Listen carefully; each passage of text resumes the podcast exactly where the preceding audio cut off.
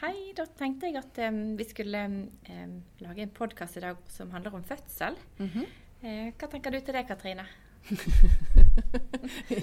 jo, eh, skal den inneholde alt, eller? Nei, altså min første tanke er jo ja, fødsel. Er det latensfasen du vil at vi skal snakke om? Den aktive fasen fram til utslettet? Eller utdrivningsfasen? Eller kanskje hele suppen. Altså, har du noen tanker om det? For det, det, liksom, eh, det viser liksom kompleksiteten av spørsmålet ditt. Ja, det gjør det. Fødsel er et stort tema. Ja. Sånn, kjempestort. Men det som jeg tenkte vi kunne snakke om i dag, da, eller som jeg hadde lyst til å snakke om i dag, var dette med den eh, aktive fasen. Altså den aktive delen av åpningstiden da, ja. i en fødsel. Mm. Altså fra på en måte vi har definert kvinnen til å være i aktiv fødsel, ja. og fram til 10 cm. Mm. Altså åpning. Ja, jo, jo, jo. Men det er jo på en måte den uh, mest intense fasen, og kanskje den uh, vi bruker mye tid på, selv om eh, latensfasen før også er en, en viktig fase. Men, men, hvis jeg skal snakke om Vi kan godt snakke om det, og det er veldig viktig å snakke om det. Men hva er det vi skal snakke om i hva er det du vil at vi skal ha fokus på? For vi kan snakke om alt. Det er veldig masse. Men det som jeg har lyst til at vi skal ha fokus på, er vår rolle, som jordmor. Da. Og hvordan vi kan hjelpe kvinnen eh, til å, at det skal bli fremgang i fødsel. Hvordan vi kan fremme den normale fødsel i ja, åpningstiden. Ja, okay. mm. ja, for det er jo ekstremt viktige poeng. fordi jeg tror vi må ta inn over oss at det er vi som jordmødre har en stor og viktig rolle for faktisk å sikre fremgang i fødsel. Mm. Eh, at vi kan på en måte være med på å gjøre at kvinnen opplever både mestring og mm. progresjon fordi vi investerer i eh, fødselsarbeidet sammen med kvinnen. Mm. Ja, det er helt, veldig viktig, Monica. Men det første jeg tenker da, er at vi må starte med diskusjonen rundt er kvinnen i aktiv fødsel eller ikke. Ja. Og det er jo et spørsmål som kanskje kan være litt utfordrende. Eh, fordi at vi har jo ulike retningslinjer. og I Norge så forholder vi oss i veldig stor grad til veileder i fødselshjelp. Mm. Og den er basert på Nice Guidelines sine anbefalinger. Og den mm. sier vel at eh, kvinnen skal ha 4 cm dilatasjon. Mm. Og eh, godt etablert, altså regelmessige smertefulle kontraksjoner eller rier. Ja. Og hva er regelmessig, og hva er smertefullt? Det kan jo òg være vanskelig å vurdere. Eh, og så har du den eh, problemstillingen som jeg syns kanskje kan være litt utfordrende. det er at Den definisjonen den er jo helt uavhengig av om det er en førstegang- eller flergangsfødende kvinne vi snakker om. Mm. Og så er det det andre aspektet det at vi har WHO, som også har noen anbefalinger for hvordan fremme eh, det normale fødselsforløpet, eller de fysiologiske prosessene i fødsel. Ja. Og de snakker om en, eh, at du er i aktiv fase fra 5 cm. Ja. Og allerede da har vi, ser du at da har vi på en måte redd sengen og på en måte mm. lagt kaoset til grunn. Men mm. det betyr at fagmiljøet er ikke helt enig, men det som jeg vet at det finnes to ulike på en måte retninger. Altså Du har Friedmanns kurve, som kanskje veileder i fødselshjelp i stor grad er basert på. Ja. Og så har du Sang.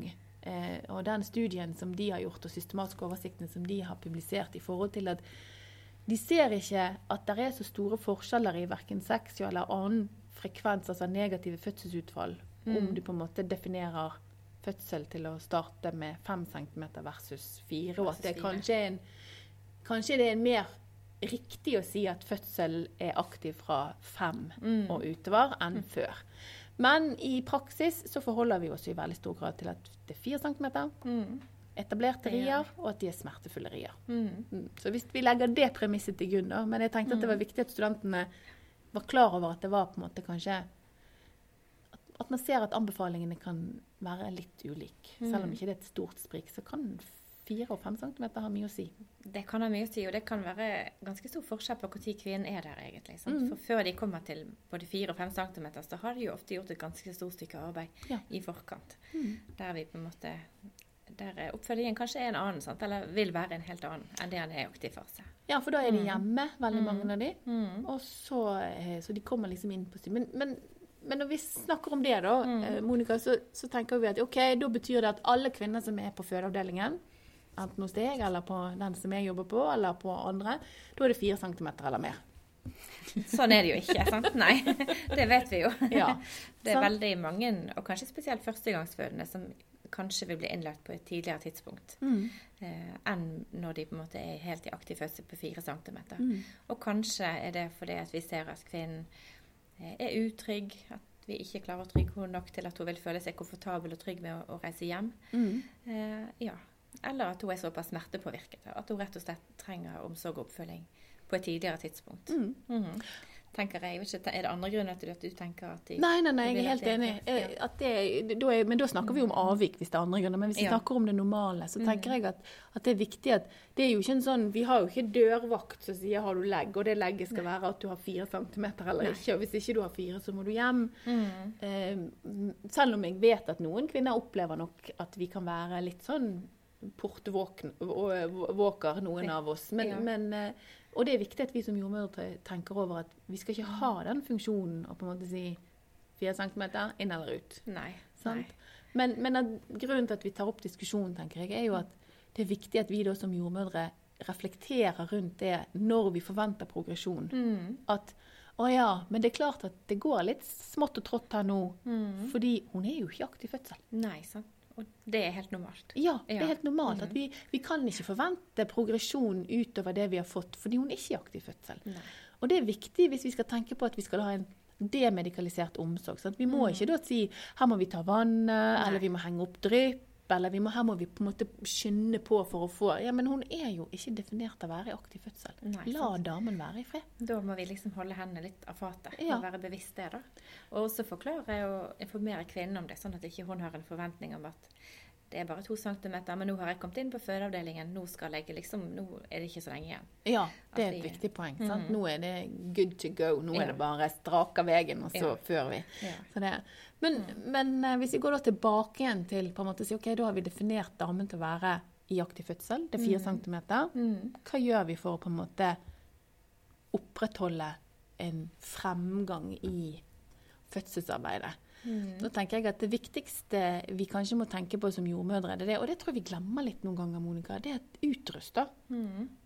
Det er jo den poweren vi trenger. Altså den store kraften. Og den skal jobbe sammen med fosteret, som er på en måte passenger, eller passasjeren, som på en måte da roterer. Men at utrust, det er jo en muskel. Mm. Det er en gedigen muskel.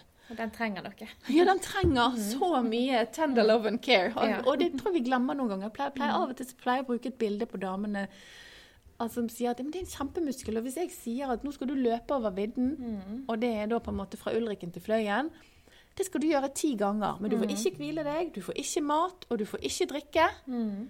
Eh, og du får ingen hjelp eller whatsoever. Du bare kjør på. Mm. Går ikke det? Nei, det går ikke. Han trenger påfyll. Ja. Og så er det jo også sånn sant, at en kvinne som er i, har ria, har vondt, er, er sliten, kanskje hun ikke er så sulten. Sant? Så da er det ikke så, kanskje ikke så tørst heller. Det er de kanskje litt oftere enn sulten. Men Mm. det er viktig at vi som, som jordmor da kan forklare dem hvorfor det er viktig at de kanskje likevel prøver å, å ta noen små måltider innimellom. Ja. Gi næring til, til kroppen og til uterus. Ja, så tror jeg det er viktig å tenke på at hva er et måltid? sant? Altså, Jeg tenker ofte og lite istedenfor. Jeg er Ja. ute og skjærer opp litt epler, Mm. litt appelsin. Kanskje være bevisst på at den eh, drikken jeg gir, det er kanskje appelsinjuice eller Mm. eplejus som er hurtige altså karbohydrater, har mye sukker og på en måte kan gi hjernen litt energi òg. Ja. Eh, og og sant, salte kjeks. Ristet skive med, med hvitost er det veldig mange som vil ha. For Ja. det er litt sånn lett hvis du er litt sånn uggen og uvær Ja. sant, i det hele. Ja, Mm. så, det, så det, men liksom hele tiden. Og så tenker jeg at vi må av og til må Vi funker litt som en coach. Mm. Kom an igjen, Monica. Mm. Du klarer en halv eplebit. Ja, sant, motivere. Ja, motivere Mm. og på en måte lage små delmål. Da, så, så det å sørge for at den muskelen har krefter til å gå fra fire til ti, Mm. det er det vår jobb å, å sørge for. Det er det. Og så kan det, er det viktig at vi på en måte passer på å minne oss sjøl på det. For kanskje har du en kvinne som har vondt, du må støtte henne mye, du må hjelpe med forskjellige ting, kanskje skifte bind, for det kommer fostervann. Og så har det gått fem timer, og kvinnen har ikke bedt om mat, og du har kanskje Glemt tenkt på andre ting, for det har skjedd så mye. sant? Mm. Da har vi egentlig gjort en, en dårlig jobb sant? i forhold til fødselsforløpet. Ja, og så tror jeg et viktig poeng også i den, det å tenke på at uterus er en stor muskel som må ha energi, for den skal lage og produsere rier. Mm. Men vi vil jo ikke at den skal produsere mye, så mye rier at den går på en måte helt bananas. Altså det er noe Nei, med at vi vil ha ja, denne balansen mellom Vi vil ha rier eh, som kommer regelmessig. De skal vare kanskje oppimot eh, 60 sekunder. Mm. Men vi vil jo i hvert fall ha 90 sekunders pause mellom hver eneste ri. Mm. For dette fosteret det må jo få tid til å på en måte trekke pusten. Absolutt. Jeg pleier ofte å bruke det der et lite bilde. og det er at Hvis vi har så tette rier eh, at det liksom kommer i ett bankersett, så kan du tenke det blir akkurat som fosteret kommer over vannkanten, og så bare dupper du den ned igjen hele tiden. Så Ja, den får aldri Ja. trekke luften. For ikke hente seg inn. Nei. Så det òg er viktig å tenke på at Mm. på samme måte som det er veldig bra at vi har kontraksjoner, Mm. så må vi ha pause. Ja. Det skal ikke være hele tiden. Nei. Nei. Er det andre tiltak hvis vi tenker sånn for å fremme progresjon? Når vi snakket om ernæring. Mm. Eh, hva tenker du andre ting som er litt sånn enkle, lette tiltak å iverksette? Så jeg tenker veldig ofte på eh, det med bevegelse, stillinger. Endre Ja. stilling. Mm. For hvis du låser deg i én stilling, så ligger gjerne ikke forholdet til rette for at fosterhodet kan dreie nedover i bekkenet. Mm. Pluss at trykket fra fosterhodet mot cervix også kanskje vil hjelpe tyngdekraft også kanskje vil hjelpe til med å eh, gi rier, da. Ja, Men når du Mm. sier at de må endre stilling, hva, hva tenker du på da? Sånn snu seg fra høyre til venstre side i sengen, eller Så vi bruker jo veldig ofte oppreiste stillinger. Ja. Sant? Og stillinger som kan gjøre at bekkeninngangen eh, utvides. Eller Mm. ikke utvides, men på en måte er en gunstig, altså gunstig da, for også eh, fosterhodet skal få kunne rotere ned. Men da er det jo ofte f.eks. å stå med en preke, i en prekestol eh, med en fot opp, eventuelt sitte på en ball. Ja, kanskje på kne i seng. mm. Det er forskjellige varianter av stillinger. Og så finne en stilling som er komfortabel for kvinnen. da, Der hun kan på en måte eh, finne ro og få en god stilling der hun kan jobbe og puste seg gjennom rien og, og Mm. hvile i pausene. Og det som du sier der, tror jeg ofte er litt sånn nøkkel. Det at det er det å finne en komfortabel stilling. Altså det at OK, rien er intens, Mm. den er vond. Men i hvert fall når hun ikke har Mm. sørg for at hun slapper av. Jeg pleier å ha et sånt, en liten sånn eh, huskeregel for meg sjøl når kvinnen er i aktiv fødsel. og Det er å på en måte lese henne i forhold til når begynner det å bli sånn at jeg tar én ri, slapper av, og så kommer neste. Mm. Eller til vi går over i nå kvir jeg meg til neste ri. Ja, altså, du liksom, nå har jeg brukt mye energi på å gå gjennom denne rien, men nå bruker jeg like mye energi i pausen på å kvi meg til neste ri. Da har vi Ja. kommet inn i et mønster som vi er nødt til å på en måte bryte. Og det Mm. eh, kan brytes ved mange måter, men det, og det er ikke enkelt. Men da handler det veldig mye om å skaffe denne kvinnen kontroll over Mm. situasjonen igjen. Få henne til å slappe av Mm. tilby henne en posisjon der hun faktisk klarer, og ikke minst forsikre henne om at alt er normalt. Ja, at det er normalt at det er såpass intenst. Mm. Det er det også hjelpe til altså i forhold til eh, smertelindringsmetoder. Sånn Ja. som badekar, eh, som noen finner ro i. Andre kanskje vil opp igjen med en gang. Det var Mm. ikke noe for dem. Men at vi kan forsøke det. Sant? Mm. Eh, Massasje i, i korsryggen. Ja, sånne ting. Mm. Og alle disse smertelindringsmetodene handler Ja. jo om akkurat det samme. Mm. Eh, redusere smerte, få kontroll, Mm. skape på en måte avslapping. Kanskje da i, spesielt imellom riene. Ja. Og, og så tror jeg eh, Og så ta kvinnens smerter på alvor. Eh, Mm. Dette med rier, Vi vurderer jo rienes styrke og intensitet i forhold til på en måte om de er dårlige eller middels eller gode. Og jeg pleier jo Mm. veldig ofte å si til damene at nå vurderer jeg at du har? Og dette føler jo noe sykt dårlig gjort å si. Ja, nå er det dårlige rier. Ja. Og så har de så vondt at de nesten bare Hæ? Ja. Seriøst? Og da pleier jeg ofte å si til dem at de varer ikke så lenge. Mm. Og derfor så vil jeg kanskje si at de er dårlige, men det Mhm. betyr ikke at ikke de er vonde. Nei, sant. Det er to For forskjellige det er to forskjellige ting. Fordi at Veldig ofte så kan den rien som vi vurderer som dårlig, være Mm. like vond som den som er god. Mm. Men det er bare det at den varer mye lengre. Ja. Sant? Men smerten er kanskje like sterk. Og så er det jo noen kvinner du ser at der gikk de fra sant? Eh, at de klarte å prate bitte litt rien sin, Mm. til at nest, etter hvert så, så bare går de helt inn i sin egen verden. At, Ja. Og da kan du liksom Ja, OK, nå er de blitt litt Og da sier jo noen Ja, nå skjønner jeg hva du mener. Mm. Ja, sant. Ja, var det sånn det skulle bli? Det var sånn det skulle bli. Sant? Men Mm. alltid ta kvinnen på alvor. Mm. Gi henne anerkjennelse på at ja, det er tøft. Mm. På jobben hun gjør. Sant? Mm, ja. Og om de nå ikke er sånn kjempesmertefulle, så, men hvis det likevel har vart i ti, ti timer, og du Mm. skal ha tre rier på ti minutter, så er du jo kjempesliten likevel. Sant? Ja, ja, ja. du må jobbe gjennom de. Mm. Men, men, men da er det på en måte eh, viktig da å på en måte formidle til kvinnen ja, det er Mm. kjempetøft. Mm. Du er dødsgod. Mm. For det er en, altså, du må bare lesse på med, for de er sykt gode. Ja, de er Mm. alt de gjør. Og, de, og det sier jo veldig mange studier òg i etterkant. Mm. De kan ikke få vite ofte nok hvor sinnssykt flinke de er. Nei. Og, og ikke minst også den bekreftelsen på at vet du hva det er du gjør nå? Det er helt riktig. Ja. For de er så riktig. opptatt av at, at uh, Gjør jeg noe feil siden ikke det går så fort? Mm. Nei, du gjør alt riktig. Du er vanvittig flink.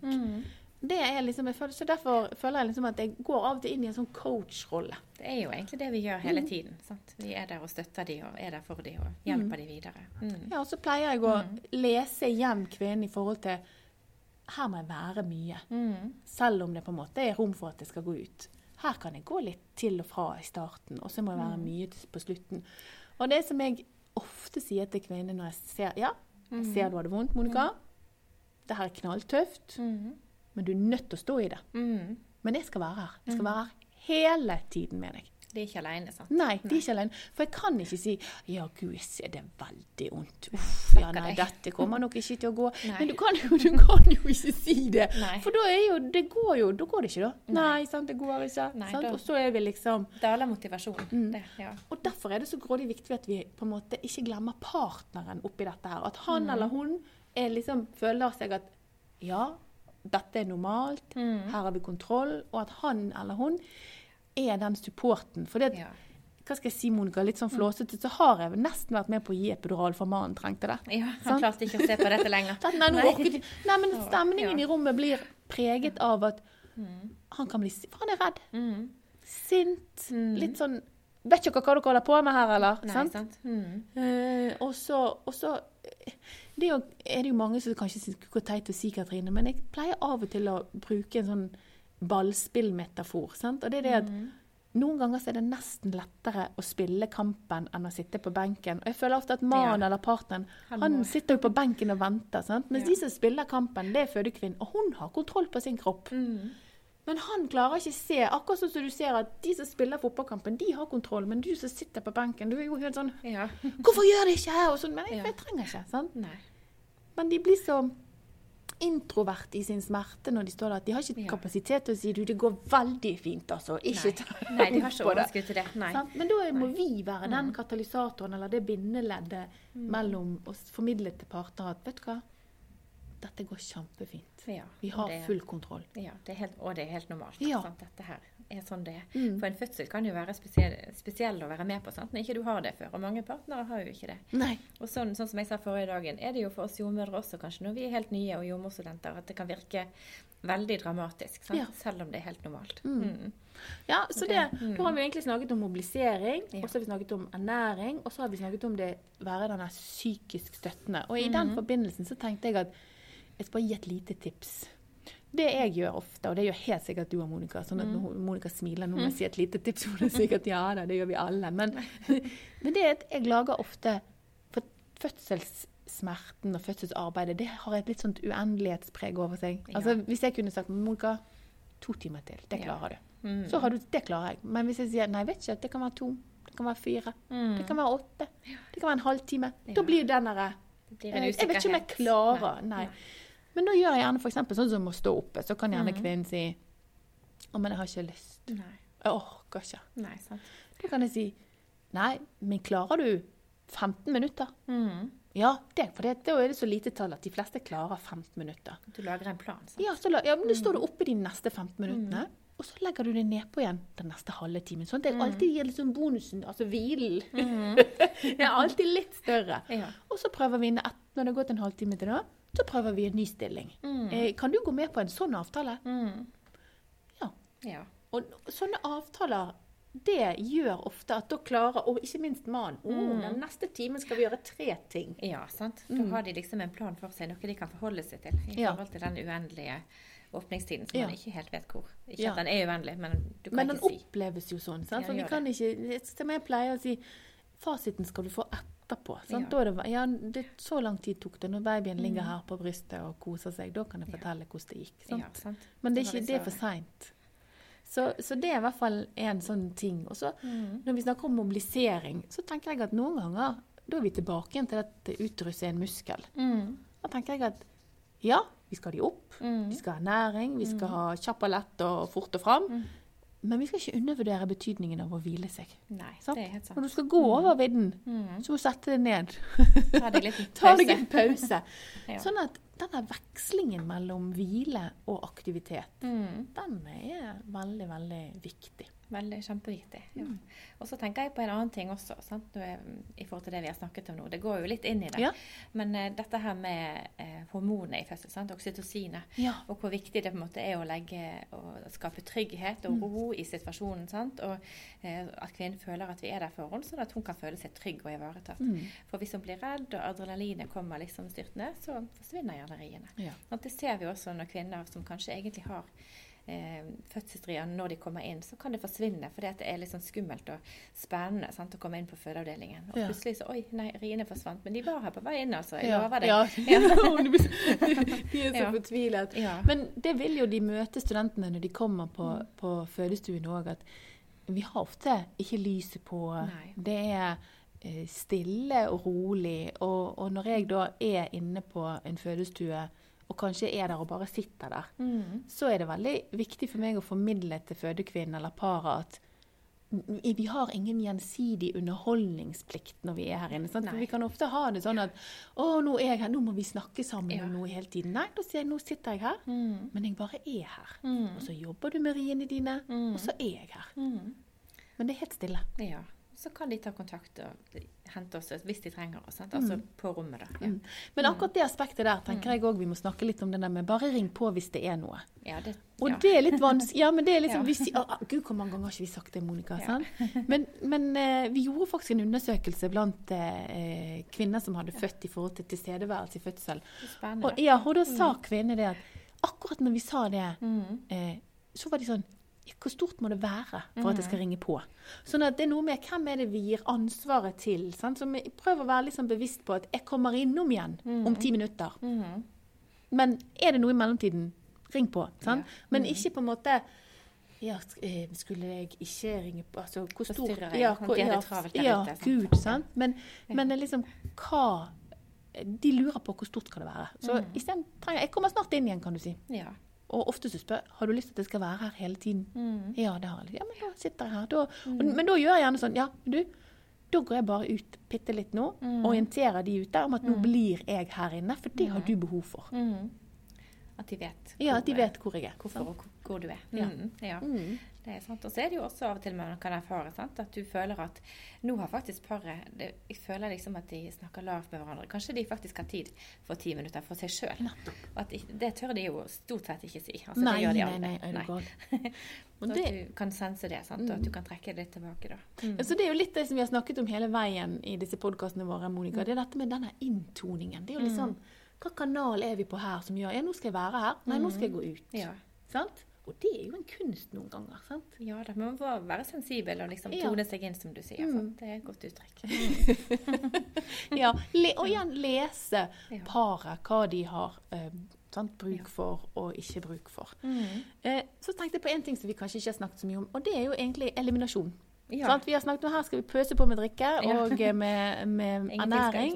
Men, men det er viktig at vi har kontroll på at den blæren er tom, er og for så vidt også kanskje om de har hatt avføring. For vi vet jo at peristaltikken påvirkes av eh, hormoner, og Mhm. at man kan ha litt eh, obstipasjon mot slutten av svangerskapet. Absolutt. Um, sånn at vi må tilby kvinnene å få lov til å gå på toalettet. Ja. Eh, og at de får tisse spontant, Mm. og at, de, vi, at vi har oversikt over hvor lenge siden er det de har tisset. ja. Fordi at en full blære og et fosterhode som skal passere nedover, kan jo gi en overstrekt blære, og så forårsaker vi da en retensjonsproblematikk postpartum fordi at vi ikke har vært fulgt med i timen. Det er jo veldig dumt. Det er viktig. Mm. Og så tenker jeg dette med eh, eliminasjon i forhold til avføring. Mm. Der er det jo veldig mange som, som sier at vi må gi et klyster, for at da øker riene. Mm. Det er jo heller ikke riktig. Men man kan jo gi et klyster av hygieniske årsaker. Ja, Sant? også for kvinnens del. I hvert fall hvis de har hatt eh, observasjonsproblematikk, Mm. sant, så vil de kanskje synes det er vanskelig når de skal begynne å trykke. For Ja. de er redd for at andre ting skal komme. At det skal komme avføring. Sant? Sånn at du kan si at på en måte så kan eh, en, det å ikke ha gitt kvinne et klyster, gi, gi eh, sånn at det, det hemmer fødselsfremgangen. Mm. Ikke fordi at rien er dårlig, men at kvinnene kniper igjen istedenfor. Fordi at de er så når hodet kommer, så kjennes det jo ut som at det er avføring som kommer. Og det gjør det jo selv om det ikke Ja. gjør det. Sånn, så selv om det kanskje ikke er noe der. Men Mm. eh, hvis det da er noe der, så kan det føles ubehagelig for dem hvis Ja. det kommer mye underveis. Ja. Mm. Ja, så nå, har også, vi har vel snakket sånn indirekte om det, sånn smertelindring. sant? Vi har det i hele, hele denne her litt sånn springende diskusjonen Ja. om Monica, om hva som fremmer. Men eh, jeg tror vi har vært innom veldig mange ting. Mhm. Og så er det helt sikkert noe vi har glemt, for vi er jo ikke et sånt orakel eller helt uttømmende. Men, men tenke over at det er veldig komplekst. Mhm. Eh, og det er mange ting du skal tenke på. Og mange av de kanskje viktigste tingene handler kanskje ikke om å måle blodtrykket sånn og sånn, eller eh, nei, sant? Men det handler om å være til stede, Mhm. se kvinnen, tilby hjelp. Skape trygghet, tilby på en måte, ja, næring og minne de på. For det er ikke de som skal passe på Nei, det er vi, Sant? Det er vår jobb. Trygge de på at de er gode. Mm. Ja. Viktig. Da tror jeg, Og da kommer progresjonen. Og så ikke forvente en sånn eh, time for time-endring. sant? Tid- Fødsel det skjer i store trappetrinn, og så det. flater det helt ut. Og, ja. og det er òg nødvendig å formidle. Mhm. En sånn avstemming av forventningene. For det er jo noen ganger jeg har noen par inne som bare Hæ, har ikke skjedd noen ting? Eh, nei, det er helt normalt. Nei, det kan ikke være normalt. Så det er Nei. noe, hva kunnskap har de med seg inn i Mhm. For akkurat det vet jo stort sett ikke de fleste. Når Nei, de nei, nei. kommer inn og er i fødsel, egentlig. sant? Mm. Og, ja. Det- Eller i starten av fødsel. Så. Og det er jo ikke sjelden Monica, vi får spørsmålet når kommer babyen? Mm. Nei, det vet jeg ikke. Hæ? Er ikke du jordmor? Ja, det sånn, Det kan man brenne seg på. Å, å si. å, du må aldri si når han kommer! Nei. Nei, det er en sånn lærdom. Lov aldri Nei. fødselstidspunkt. Nei. For du vil på en måte Åh, hva skal jeg si Du sa at Ja. nå skulle Altså, det vil bli en Det er et så tillitsbrudd. Mm. Selv om du gjør det i beste mening. Mm. Tro meg. Vi har vel alle Vi har vel gått ned den veien og sagt ja da. Kommer denne nå? Ja. Nei da. Så det Nei, du får um, Da kjøper du deg et problem langs ja, Ikke lov mer enn det du kan stå inne for. Nei, det er egentlig det. Det er helt riktig. Men invester i damene deres. Mhm. Vær der. Bry dere. Mhm. Det er vel egentlig det jeg vil si. Det er essensen av det. Mm. Mm. OK. Takk skal du ha. Jo.